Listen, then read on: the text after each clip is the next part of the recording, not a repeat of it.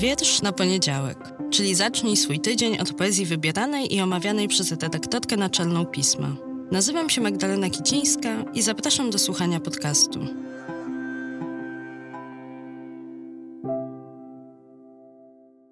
Cześć, witajcie. Dzień dobry. Dzień dobry, dzień krótki, jak to w listopadzie, ciemności zapadają wcześniej. Nie wiem, jak sobie z tym radzicie. Ja muszę przyznać, że średnio to wejście w listopad u mnie trochę się mocuje ze sobą i ze światem. No a w tym mocowaniu bardzo często pomaga kultura, pomaga sztuka, pomagają obrazy, pomagają teksty. No i oczywiście w ramach tekstów pomagają też wiersze. Ale o tym jest ten podcast, więc akurat Wam chyba o tym nie muszę przypominać.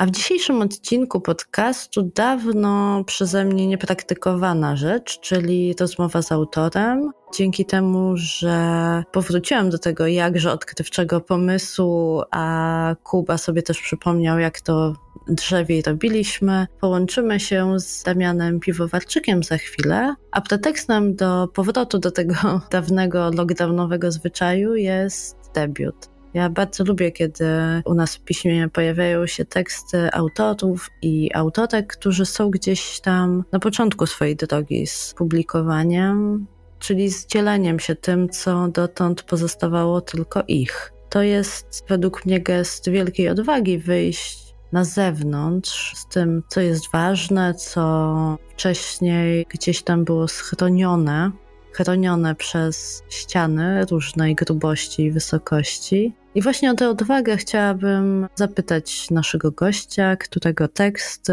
publikujemy w listopadowym piśmie.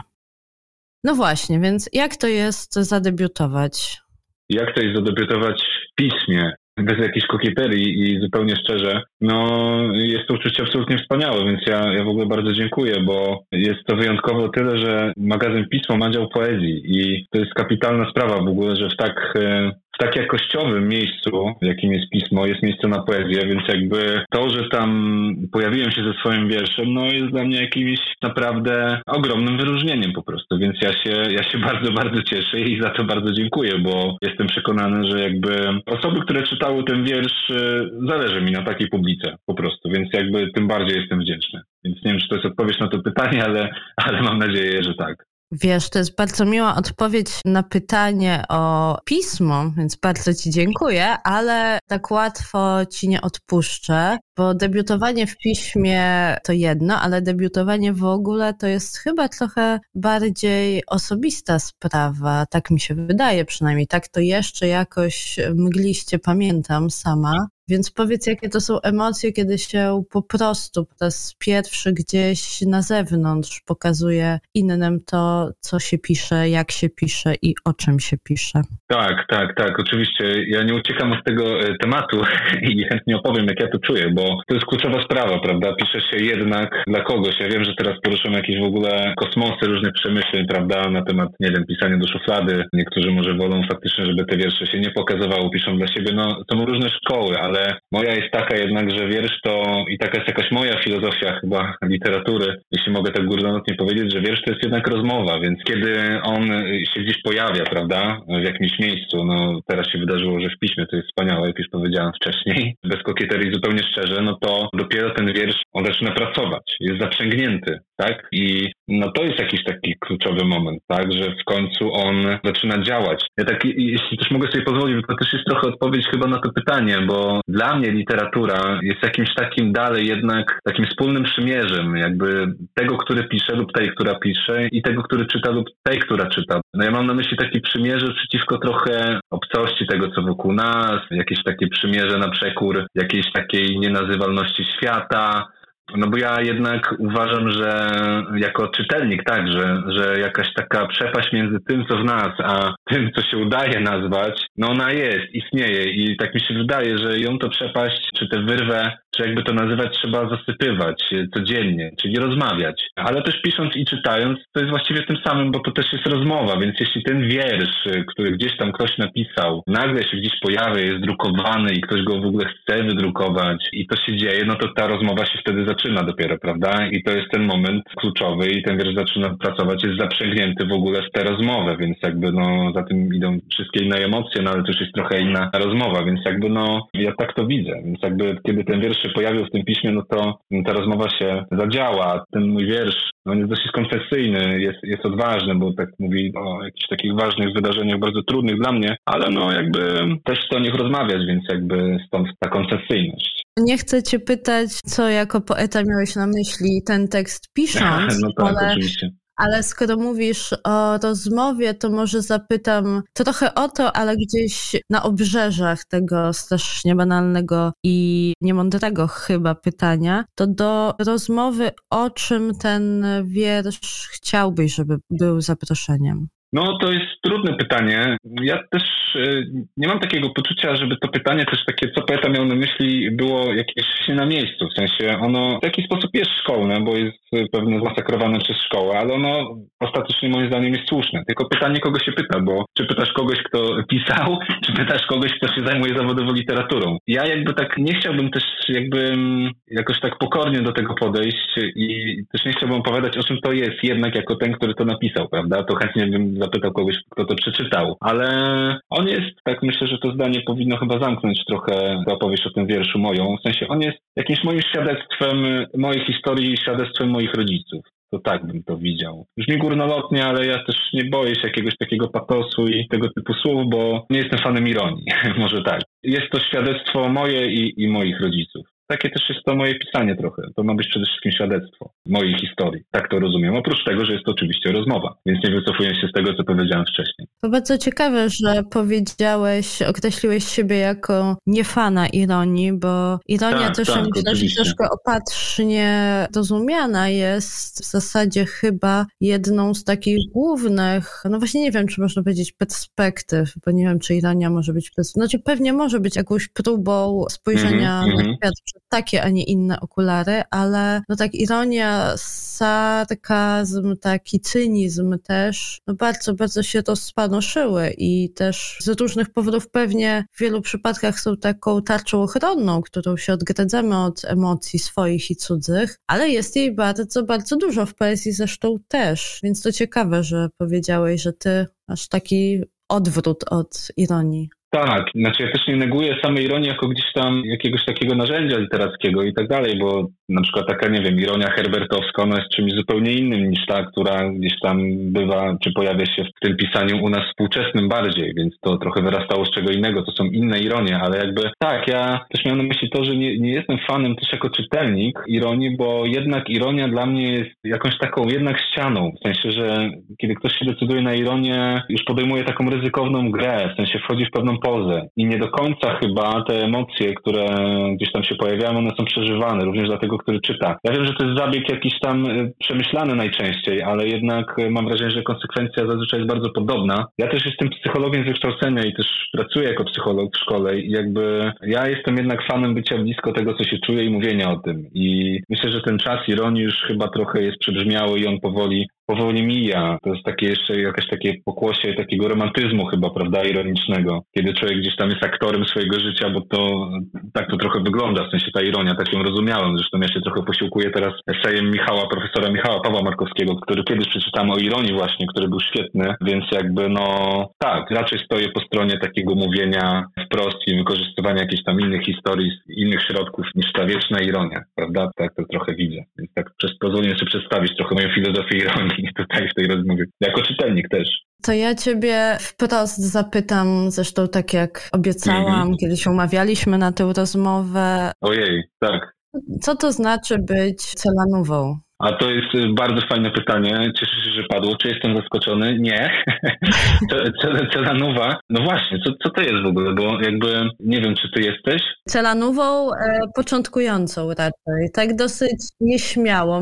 Mam takie wrażenie, ale może to jest właśnie obronno-unikowe, że do celana się dojrzewa. Więc ja tak jestem jak szynka powoli dojrzewająca w tym obszarze. Ojej, w ten sposób, że do celana się dojrzewa. No to odpowiedziałaś trochę na pytanie, czym jest Celanowa, kto to jest w ogóle, bo to bez względu na płeć jakby i ma się każdego. Natomiast jest to oczywiście fan lub fanka poezji Paula Celana.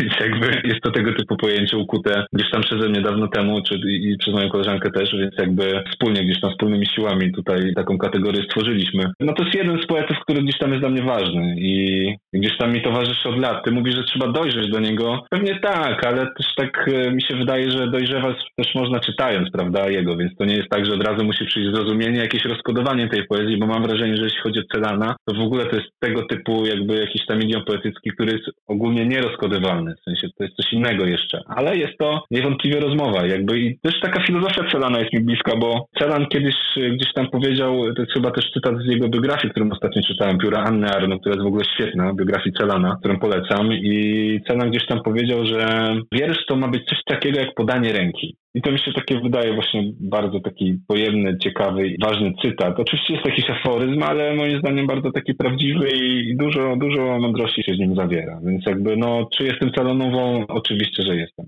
A ja nie powiedziałam, że to trzeba dojrzeć, czy że coś musimy, bo w ogóle niczego nie musimy. Ja tylko powiedziałam o swoim doświadczeniu celanowania, że tak powoli, wiesz, powoli się do niego tak, tak. zbliżam, więc nie jestem zaawansowaną celanową tak jak ty, ale jako, że ty jesteś, to jeżeli coś wybrałeś celana, to może na zakończenie przeczytaj, a ja potem tych, którzy nas słuchają, zostawię z twoim wierszem w pismowej interpretacji, więc może taki zabieg na koniec, co? Co ty na to? Tak, z przyjemnością, aczkolwiek czytanie poezji Celana jest trudne, ale spróbuję. Natomiast tak, ja tak jeszcze tylko kończąc, nie, nie miałem też na myśli tego, że trzeba dojrzeć, że jakoś to mówiłem w kontrze do ciebie, nie o to mi chodziło, ale jakby zmierzam do tego, że ta poezja na pierwszy, w pierwszym kontakcie ona jest bardzo trudna. Zależy też do jakiego tomiku sięgamy, czy do tych pierwszych, czy do tych późniejszych jego zbiorów. Ona jest trudna, ale moim zdaniem warto podjąć ten trud, bo ona jest przepiękna. Te obrazy, które wyczarowuje, jakby są przepiękne i mi się tak wydaje, że to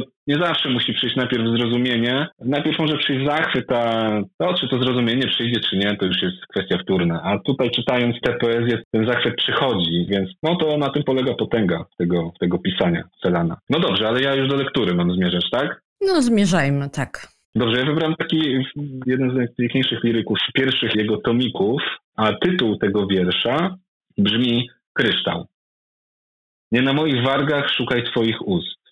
Obcego nie przed bramą. Nie w oku łzy. Siedem nocy wyżej wędruje czerwień do czerwieni.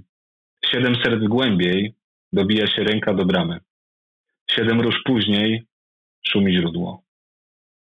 I to był Celan w interpretacji Damiana Piwowarczyka. A kto przekładał, powiedz? Kto jest autorem Przekładał oczywiście w interpretacji bardzo amatorskiej, ale przekładał to oczywiście Ryszard Krynicki. To jest wydawnictwo A5 oczywiście i ten przekład jest kongenialny. Ja w ogóle uważałem, że Celan jest takim poetą lingwistycznym bardziej, a pisał oczywiście po niemiecku, co też jest jakby ciekawą, sytuacją, ciekawą i trudną sytuacją, bo to jest język oprawców. W sensie Celan przecież jego rodzina została wymordowana w II wojnie światowej. Natomiast jest to przekład Ryszarda Krynickiego oczywiście. Kongenialny. Jak to u Ryszarda Krynickiego, którego serdecznie pozdrawiamy, myśli tak moje płyną w stronę, w stronę Krakowa. Bardzo Ci dziękuję. To ja dziękuję raz jeszcze za zaproszenie i za, za, za to, że mogłem gościć jako autor, naprawdę. Wspaniałe wyróżnienie, dziękuję jeszcze raz i pozdrawiam wszystkich czytelników i czytelniczki. I słuchaczy, i słuchaczki Oczywiście. naszego podcastu i osoby słuchające. Bardzo Ci dziękuję.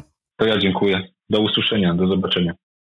Mieliśmy więc Celana w przekładzie Krynickiego, a teraz, jako się rzekło, zostawiam Was z piwowarczykiem, wietrzem z listopadowego numeru miesięcznika Pismo, który możecie wciąż nabywać w takiej formie, w jakiej Wam wygodnie. Do czytania na czytnikach, w telefonie, do słuchania albo do cieszenia się szeleszczącym papierem. Dobrej lektury. A właśnie, jeżeli zgadzacie się z tym, co mówi mówił mój gość, że wiersz jest zaproszeniem do rozmowy i ten wiersz was do jakiejś rozmowy zaprosił i chcecie się tymi wrażeniami podzielić, to piszcie na najdłuższy adres świata, czyli wiersz na poniedziałek małpa magazynpismo.pl bez polskich znaków oczywiście, albo komentujcie w różnych miejscach, których o tym podcaście się dowiadujecie. Trzymajcie się ciepło. Do usłyszenia za tydzień. Damian Piwowarczyk. JPG Czyta Maciej Więckowski. Dostałem dzisiaj na popularnym komunikatorze zdjęcie grobu moich rodziców. Patrzenie na to zdjęcie to jak patrzenie na nagość starego człowieka, na litery, kiedy nie umie się czytać, na zamknięte drzwi samochodu z kluczykiem w środku.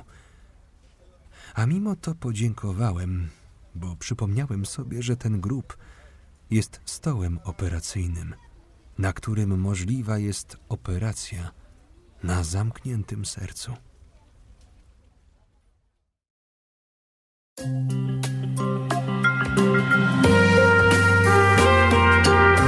Pismo. Magazyn opinii.